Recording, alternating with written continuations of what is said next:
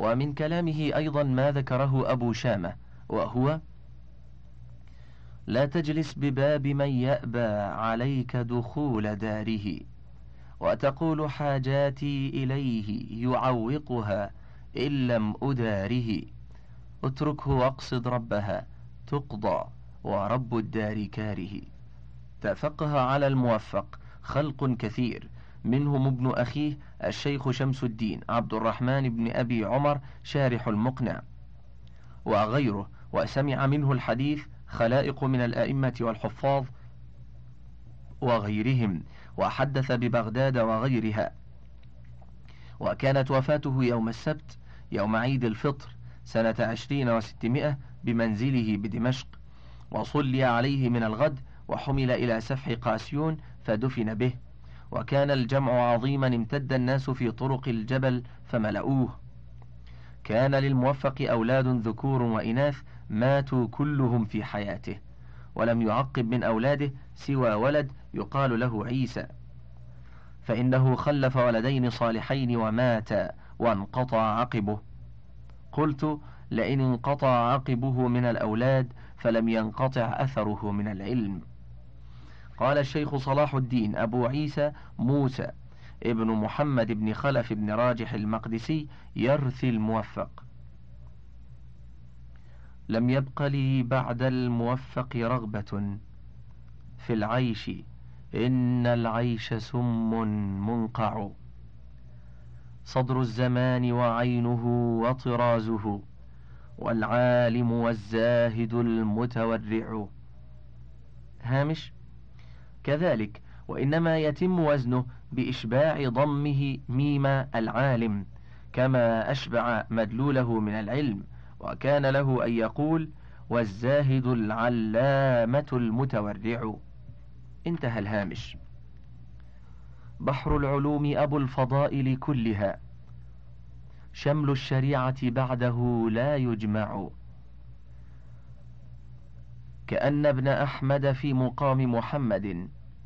إن هالهم أمر إليه يفزع. فيبين مشكله ويوضح سره. ويذب عن دين الإله ويدفع. ببصيرة يجلو الظلام ضياؤها. تبدي العجائب نورها يتشعشع.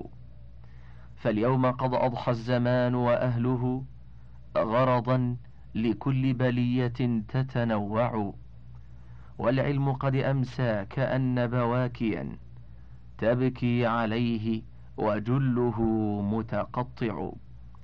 وتعطلت تلك المجالس وانقضت تلك المحافل ليتها لو ترجع. هيهات بعدك يا موفق نرتجي للناس خيرا أو مقالا يسمع. لله درك كم لشخصك من يد؟ بيضاء في كل الفضائل ترتع. قد كنت عبدا طائعا لا تنثني. عن باب ربك في العبادة توسع. كم ليلة أحييتها وعمرتها؟ والله ينظر والخلائق هجع. تتلو كتاب الله في جنح الدجى. كزبور داود النبي. ترجع. لو كان يمكن من فدائك رخصة لفدتك أفئدة عليك تقطع. كلمة في فوائد كتاب المغني.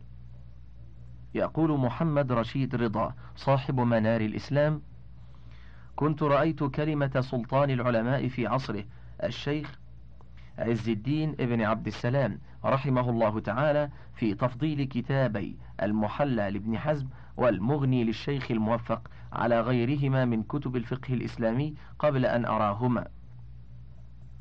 فدعتني الرغبة في تعرف قيمة هذه الشهادة إلى الاختلاف إلى خزانة الكتب الكبرى المكتبة المصرية مرارا للنظر في الكتابين. وقرأت عدة مسائل من كل منهما رأيتها كافية في معرفة قيمة الشهادة وصحة الحكم. وعلمت أن العلماء الذين قالوا إن ابن عبد السلام وصل إلى رتبة الاجتهاد المطلق لم, يكو لم يقولوا إلا الحق. فأما كتاب المحلى فهو كتاب اجتهاد مطلق. وصاحبه أبو محمد ابن حزم إمام الظاهرية في عصره هو صاحب القلم السيال واللسان الفصيح والحجة الناهضة والعارضة التي تأبى المعارضة. ولولا سلاطة لسانه في الرد على مخالفيه من أئمة أصحاب الرأي وأهل القياس لاتسع نطاق مذهبه وكثر الانتفاع بالمحلى وغيره من كتبه. فهو يذكر المسألة ويستدل عليها ويرد على المخالفين فيها على قواعد الظاهرية من الأخذ بالنصوص المأثورة أو البراءة الأصلية. ولكنه لا يكتفي بمقارعتهم بالدليل بل يرميهم بالجهل والتضليل. غير هياب لعلو أقدارهم ولا وجل من كثرة أتباعهم وأنصارهم. وإذا أراد الله تعالى أن يتجدد فقه الإسلام فلا بد أن يعرف المجددون له من قدر كتابه ما عرف العز بن عبد السلام. ولا بد أن يطبعوه في يوم من الأيام. وأما المغني فصاحبه الموفق فقيه حنبلي وهو مع ذلك محدث أثري. وقد ألف عدة كتب في فقه الحنابلة وأراد أن يكون كتابه المغني في فقه المسلمين كافة. فهو يذكر أقوال علماء الصحابة والتابعين وعلماء الأمصار المشهورين كالأئمة المتبوعين ويحكي أدلة كل منهم. وإذا رجح مذهب الحنافلة في كثير من المسائل فهو لا ينتقص غيرهم ولا يحمله التعصب على كتمان شيء من أدلتهم. وإذا رجح مذهب الحنابلة في كثير من المسائل فهو لا ينتقص غيرهم ولا يحمله التعصب على كتمان شيء من أدلتهم. ولا على تكلف الطعن فيها كما يفعل أهل الجمود من المقلدين. فالمزية الأولى لكتاب المغني. أنه لخص لنا مذاهب فقهاء المسلمين المجتهدين. بأدلتها في أمهات الأحكام ومهمات المسائل فأغنانا عن مراجعة كتب المذاهب الكثيرة فيما نحتاج إلى الوقوف عليه منها. وعن مراجعة كتب السنن والآثار لمعرفة أدلتها ومذاهب الصحابة والتابعين ومسائل الإجماع والخلاف على أن المصنفات التي تتوسع في رواية هذه الآثار لم تطبع. ونسخها الخطية قليلة الوجود كمصنفات ابن أبي شيبة وعبد الرزاق والأثرم وابن المنذر. ومن المعلوم أن كتب فقه المذاهب المتبعة والخلاف منها ما لا تذكر فيه الأدلة ومنها ما يذكر فيها وما يؤيد مذاهب مصنفيها ويضاعف المذاهب المخالفة لها. ولو بضروب من التأويل والتحريف وتضعيف الأحاديث التي لا توافق مذهب المؤلف وإن كانت صحيحة أو حسنة إن أمكن. وتقوية الأحاديث التي توافقه وإن كانت ضعيفة أو السكوت عن نقل الطعن فيها. وصاحب المغني لا يتعمد مثل هذا فهو يرجح ما يعتقد رجحانه من أدلة الحنابلة ولا يتكلف الطعن في أدلة من خالفهم. ولولا هذا وذاك لما فضله ابن عبد السلام على كتب الشافعية وكان من أجل علمائهم وهي التي يشهد لها من لم يعرف من مزايا تحريرها ما يعرفه هو بأنها فاقت سائر المذاهب في دقة التحرير والاستدلال والجزم بالصحيح من الأقوال وكان يعتمد على مراجعته في الفتوى إذ صار يفتي بالدليل ويسلك سبل الاجتهاد. عرفت المغني. فتمنيت لو يسخر الله تعالى من يطبعه ليتم نفعه الذي هو عندي فوق ما كان عند العز بن عبد السلام. وكان صديقنا حسن باشا عاصم خادم الأمة والملة رحمه الله تعالى يقول إذا يسر الله لنا طبع كتاب المحكم لابن سيدة فإنني أموت آمنا على اللغة العربية أن تموت. ذلك لما سمعه من إمام اللغة في هذا العصر الشيخ محمد محمود الشنقيطي رحمه الله من الثناء على المحكم. وعلى النسخة الصحيحة الموجودة منه في المكتبة المصرية. وكان كلما قال لي هذه الكلمة أقول له وإذا يسر الله تعالى لكتاب المغني من يطبعه فأنا أموت آمنا على الفقه الإسلامي أن يموت.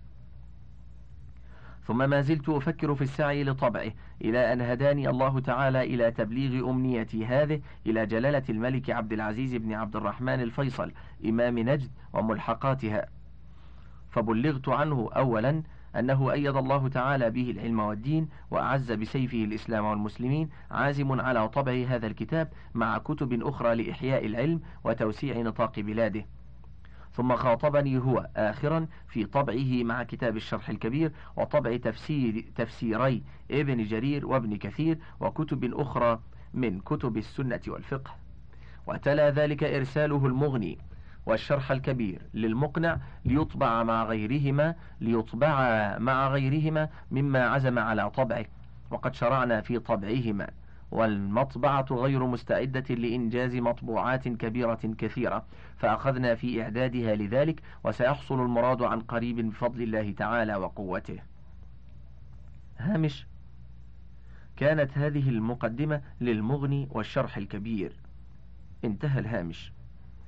وإن وقد نجز الجزء الأول من الكتابين نبين بالإيجاز فوائدهما للأمة الإسلامية وكونهما في الفقه الإسلامي العام لأفقه الحنابلة وحدهم.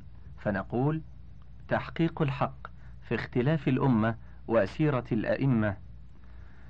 قال الله تعالى إن هذه أمتكم أمة واحدة. وأنا ربكم فاعبدون. وقد شبه النبي صلى الله عليه وسلم المؤمنين بأعضاء الجسد الواحد ولم يكن شيء أبغض إليه بعد الكفر بالله من الاختلاف والتنازع.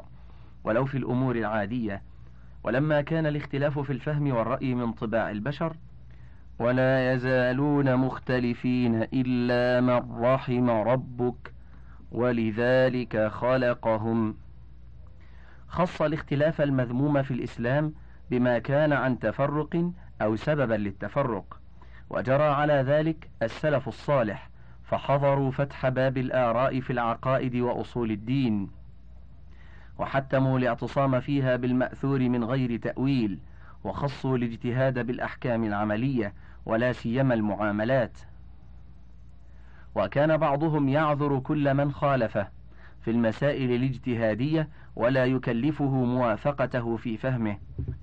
ثم إن كثيرا من كبار العلماء حاولوا أن يجعلوا اختلاف العلماء في مسائل الأحكام رحمة بهذه الأمة وتحقيقا ليسر دينها الذي ثبت بنصوص الكتاب والسنة. ويتقوا ما حذر الله تعالى في كتابه من مضار التفرق والاختلاف الذي أفسد على الأمم السابقة دينها ودنياها. وأنذرنا الله تعالى أن نكون مثلهم بقوله واعتصموا بحبل الله جميعا ولا تفرقوا إلى قوله ولا تكونوا كالذين تفرقوا واختلفوا من بعد ما جاءهم البينات وأولئك لهم عذاب عظيم. وقد وجد في بعض الكتب حديث مرفوع اشتهر على الألسنة وهو اختلاف امتي رحمة. ولما لم يوجد له سند في شيء من كتب السنة قال بعضهم لعله خرج في بعض كتب الحفاظ التي لم تصل إلينا احتراما لمن ذكروه في كتبهم بالقبول أو التسليم وحرصا على العمل بمعناه. ولكن المتعصبين للمذاهب أبوا أن يكون الاختلاف رحمة وشدد كل منهم في تحتيم تقليد مذهبه وعدم الترخص للمنتمين إليه في تقليد غيره ولو لحاجة أو ضرورة وكان من مناظرتهم في ذلك. ومن طعن ومن طعن بعضهم في بعض ما هو معروف في كتب التاريخ والتراجم وغيرها كالإحياء للغزالي وصار بعض المسلمين إذا وجد في بلد يتعصب أهله لمذهب غير مذهبه كالبعير الأجرب بينهم. وقد وقع من الفتن بين المختلفين في الأصول وفي الفروع ما سود صحف التاريخ على أن الخلاف في الفروع أهون وأقل شرًا. وقد ضعف في هذا الزمان بضعف أسبابه في أكثر البلاد. وقد ضعف في هذا الزمان بضعف أسبابه في أكثر البلاد ولكننا لا نزال نسمع بمنكرات قبيحة منه في أخرى. من ذلك أن بعض الحنفية من الأفغانيين سمع رجلا يقرأ الفاتحة وهو بجانبه في الصف فضربه بمجموع يده على صدره ضربة وقع بها على ظهره فكاد يموت. وبلغني أن بعضهم كسر سبابة مصل لرفعه إياها في التشهد. وقد بلغ من إيذاء بعض المتعصبين لبعض في طرابلس الشام في آخر القرن الماضي أن ذهب بعض شيوخ الشافعية إلى المفتي وهو رئيس العلماء وقال له قسم المساجد بيننا وبين الحنفية. فإن فلانا من فقهائهم يعدنا كأهل الذمة بما أذاع في هذه الأيام من خلافهم في تزوج الرجل الحنفي بالمرأة الشافعية. وقول بعضهم لا يصح لأنها تشك في إيمانها يعني أن الشافعية وغيرهم من الأشعرية يجوزون أن يقول المسلم أنا مؤمن إن شاء الله. وقول آخرين بل يصح نكاحها قياسا على الذمية. فأين هذا التعصب والإيذاء والتفريق بين المسلمين بالآراء الاجتهادية من تساهل السلف الصالح وأخذهم بما أراده الرحمن من اليسر في الشرع وانتفاء الحرج فيه واتقائهم التفريق بين المسلمين بظنون اجتهادية. رجح بها كل ناظر ما رآه أقرب إلى النصوص أو إلى حكمة الشارع. حتى كان أشهر الأئمة لا يستحلون الجزم بالحكم فيها فيقول أحدهم أكره كذا أو أستقبحه أو أخشى أن يكون كذا أو لا ينبغي أو لا يصلح أو لا يعجبني أو لا أحبه أو لا أستحسنه.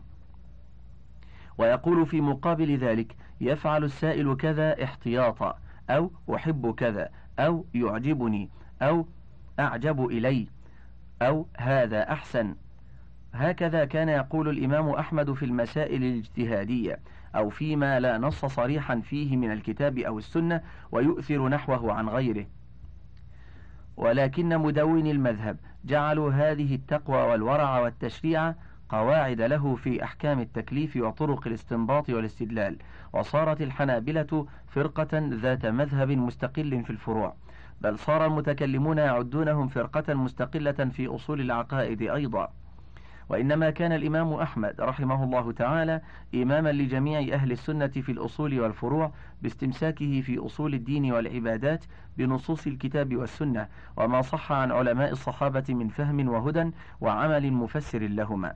ولكن أصحابه وتلاميذه حرصوا على ما نقلوا عنه من فهم واستنباط. أن يضيع فدونوه لا ليقلد لذاته بل لأجل فتح أبواب العلم وتسهيله لطالبيه من الأفراد في العبادات ومن الحكام في الأمور القضائية والدولية. وكانوا يقرنونه بأدلته ليكون الدليل هو العمدة في العمل والترجيح بينه وبين غيره. ولم يقصد أحد منهم أن يكون شارعا أو كالشارع.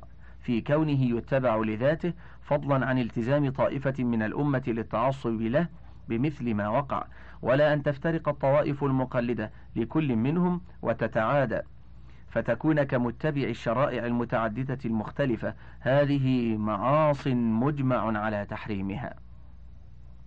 قال الإمام المزني صاحب الإمام الشافعي في أول مختصره المشهور بعد البسملة ما نصه. قال أبو إبراهيم ابن يحيى المزني رحمه الله.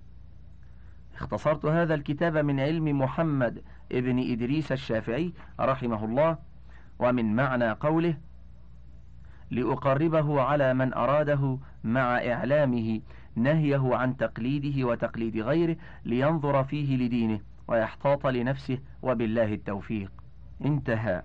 وقال ملا علي القارئ الحنفي المحدث في رسالته التي ألفها في إشارة المسبحة. وقد أغرب الكيداني حيث قال العاشر من المحرمات الإشارة بالسبابة كأهل الحديث أي مثل جماعة يجمعهم العلم بحديث الرسول صلى الله عليه وسلم وهذا منه خطأ عظيم وجرم جسيم منشأه الجهل لقواعد الأصول ومراتب الفروع من المنقول. ولولا حسن الظن به وتأويل كلامه بسببه لكان كفره صريحا وارتداده صريحا. فهل لمؤمن أن يحرم ما ثبت فعله عنه صلى الله عليه وسلم مما كاد نقله أن يكون متواترا؟ ويمنع جواز ما عليه عامة العلماء كابرا عن كابر مكابرا والحال أن الإمام الأعظم والهمام الأقدم قال لا يحل لأحد أن يأخذ بقولنا ما لم يعلم ما أخذه من الكتاب والسنة وإجماع الأمة والقياس الجلي في المسألة. إلى آخره. ما قاله ليثبت به أن قاعدة أبي حنيفة رحمه الله في الاتباع تقتضي رفع المسبحة في التشهد لثبوت الحديث به. ولكن المتعصبين الذين يقطع بعضهم اصبع من رفع سبابته عقابا له على عدم تقليده لمن حرمه من أهل مذهبهم لا يعلمون أنهم هم الذين يرتكبون المحرم بالإجماع عقابا على الواجب أو المندوب بالإجماع. أو بما صح من سنة النبي صلى الله عليه وسلم لا على مخالفة سنته صلى الله عليه وسلم كما سمعته بأذني من بعد طلاب من بعض طلاب العلم الأفغانيين في مسجد لاهور الجامع في الهند. وقد سألتهم عن صحة ما نقل عن بعض أهل بلادهم في ذلك فقالوا نعم. وعللوه بأنه عقاب على مخالفة الرسول صلى الله عليه وسلم وترك سنته أي وعلى عداوة شرع الله تعالى واستحلال ما حرمه. إذ قال بعض فقهائهم بتحريم رفع الإصبع في التشهد والتحريم في عرف أهل الأصول خطاب الله المقتضي للترك اقتضاء جازما. وأين هذا الخطاب الإلهي القطعي؟ هل هو قول مثل الكيداني المصرح بمخالفة أهل الحديث. أدلة أحكام الشرع العملية الصفحة الحادية والعشرون. إن الأحكام العملية التي هي موضوع الفقه منها ما ثبت بالدليل القطعي المجمع عليه كأركان الإسلام وتحريم الفواحش ما ظهر منها وما بطن وهو ما يكون باتباعه المؤمن به مسلما وبجحده أو استحلاله أو استحلال مخالفته كافرا. وبمخالفته فاسقا على التفصيل المعروف. ومنها ما هو محل النظر والاجتهاد وهو الذي وقع فيه الخلاف بين علماء الأمة للاختلاف في رواية النصوص أو في دلالتها أو لعدم العلم بالنص والرجوع في الاستنباط إلى القواعد العامة أو القياس المختلف في حجيته. هامش أنكرت الظاهرية من أهل السنة وبعض المعتزلة حجية القياس مطلقة ومنعه بعض الأصوليين في أسباب الأحكام وفي الحدود والكفارات وبعضهم في العبادات لأنها هي المرادة بإكمال الله الدين. وخصها بعضهم بالأمور التعبدية ككل ما لا يستقل العقل به من الأحكام. ومذهب مالك الأخذ في العبادات بظواهر نصوص الكتاب والسنة واعتبار المصالح والتوسع في الاجتهاد في الأحكام الدنيوية. انتهى الهامش. وكانوا متفقين على أن من خالف مضمون نص لم يبلغ أو معنى أو معنى نص غير قطعي الدلالة لأنه لم يظهر له أو بذل جهده في استبانة مراد الشارع. في مسألة فترجح عنده فيها شيء فعمل به مخطئا فهو معذور. فهل يكون بمخالفته لاجتهاد غيره مأزورا غير معذور؟ إن النبي صلى الله عليه وسلم لم يجعل قوله تعالى في الخمر والميسر وإثمهما أكبر من نفعهما نص في تحريمهما على جميع الأمة وإنما حرمهما به على نفسه من فهم منه الدلالة على التحريم فترك شرب الخمر والمقامرة وهو ما يقطع بمثله الفقهاء كافة. حتى إذا ما نزل فيهما وفي الأنصاب والأزلام إن ذلك كله رجس من عمل الشيطان. والأمر القطعي بالتحريم وهو قوله تعالى فاجتنبوه إلى قوله تعالى فهل أنتم منتهون؟ أجمعوا على تركه. وجعله النبي صلى الله عليه وسلم تشريعا عاما يخاطب به كل مؤمن وأهرق جميع الصحابة الذين كانوا يشربون الخمر ما كان عندهم منها. فأخذ علماء السلف من هذا أن التشريع العام ما كان بهذه الدرجة من الصحة والصراحة القطعية في النصوص. وأن ما دونه مما فيه مجال للاجتهاد في الرواية أو الدلالة. محل سعة لا يكلف كل مؤمن الأخذ بها وإنما يكلفه من ثبت عنده أو وثق بعلم مفتيه به ودينه فقلده فيه. ولم يكونوا يبيحون أن يكون مما يجبر عليه أحد أو تفرق كلمة المسلمين فيه. وقد كان النبي صلى الله عليه وسلم يقر كل من المختلفين في الفهم على اجتهاده فيما هو محل الاجتهاد كمسألة نهيه عن صلاة العصر إلا في قريظة. أقر من أخذ منهم بمنطوق النهي فلم يصلها إلا في قريظة ومن صلى أولا ثم أدرك معه قريظة لأنهم فهموا أن المراد من النهي عدم التخلف عن الخروج وإدراك قريظة في الوقت المراد. وبناء على هذا لم يرضى الإمام مالك رحمه الله تعالى أن يحمل المنصور العباسي جميع المسلمين على العمل بموطئه على ما كان من تحريه في روايته. ومن مواطأة علماء دار الهجرة له عليه. وبناء عليه كان الإمام المجتهد منهم ينهى من يستفتونه أن يتخذوا فتواه دينا يتقلدونه أو أن يجعلوه سببا للتفرق. وبناء عليه كان أحدهم يأخذ باجتهاد غيره ترخصا أو موافقة لجماعة المسلمين. روي عن الإمام أحمد أنه كان يرى الوضوء من الحجامة والفصد فسئل عمن رأى الإمام احتجم وقام إلى الصلاة ولم يتوضأ أيصلي خلفه؟ فقال كيف لا أصلي خلف مالك وسعيد بن المسيب؟ وفي رواية أنه قال للسائل أأنهاك أن تصلي مع فلان وفلان؟ وكان أبو حنيفة وأصحابه يرون الوضوء من خروج الدم. ولكن أبا يوسف رأى هارون الرشيد احتجم وصلى ولم يتوضأ. وكان مالك أفتاه بأنه لا وضوء عليه إذا هو احتجم. فصلى أبو يوسف خلفه ولم يعد الصلاة واغتسل أبو يوسف في الحمام وصلى الجمعة. ثم أخبر بعد الصلاة أنه كان في بئر الحمام فأرة ميتة فلم يعد الصلاة. وقال نأخذ بقول إخواننا من أهل الحجاز إذا بلغ الماء قلتين لم يحمل الخبث. ولم يكن هذا تقليدا منه لأنه يعرف دليله وهو حديث القلتين الذي ذكره ولكنه غير قطعي الرواية والدلالة كما أنه ليس دون قولهم في حد الماء الكثير. ونقل أن الشافعي رحمه الله ترك القنوت في الصبح لما صلى مع جماعة الحنفية في مسجد إمامهم. لعله في المكان المعروف اليوم بالأعظمية من ضواحي بغداد. فقال الحنفية إنه فعل ذلك أدبا مع الإمام. وقال الشافعية بل تغير اجتهاده في ذلك الوقت. والظاهر مما تقدم أنه لم يرد أن يخالف جماعة من المسلمين مخالفة عملية في مسألة اجتهادية غير قطعية فإن اختلاف الظواهر من أسباب اختلاف البواطن كما يؤخذ من حديث عباد الله لتسون صفوفكم أو ليخالفن الله بين وجوهكم. رواه الجماعة من حديث النعمان بن بشير مرفوعا ولكن سقط من رواية البخاري كلمة عباد الله.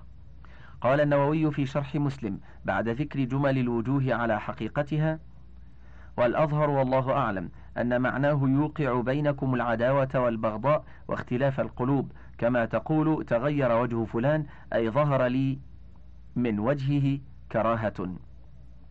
لأن مخالفتهم في الصفوف مخالفة في ظواهرهم. واختلاف الظواهر سبب لاختلاف البواطن. انتهى.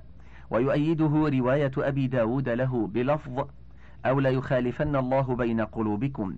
ويؤيد المعنى من المعقول والتجارب. ما ثبت من أن الاتفاق في العادات واللباس من أسباب التآلف والاختلاف والاختلاف فيها من أسباب التناكر والتنافر. فكيف إذا كان الخلاف في الدين؟ وكان كل فريق يعتقد أن الآخر مخالف بمخالفته لله ولرسوله بدعواه أن ما عليه أهل مذهبه هو الحق وما خالفهم فيه غيرهم باطل. ولكن المتعصبين للمذاهب لا يفقهون ما يفقهه مثل الشافعي من حكم الدين ومقاصده فهم يتحرون مسائل الخلاف ويلتزمونها من حيث يترك بعضهم العمل بكثير من مسائل الاتفاق وإن كانت مجمعا عليها ولهم أشد استمساكا بخلاف الذين يعيشون معهم منهم بخلاف البعداء عنهم فهم يقيمون في المسجد الواحد جماعتين أو أكثر في وقت واحد. ويرسل بعضهم يديه ويقبضها بعض في الصف الواحد. وبذلك جعلوا اختلاف الاجتهاد بين العلماء نقمة على حين كانت تعد عند أولئك العلماء نعمة.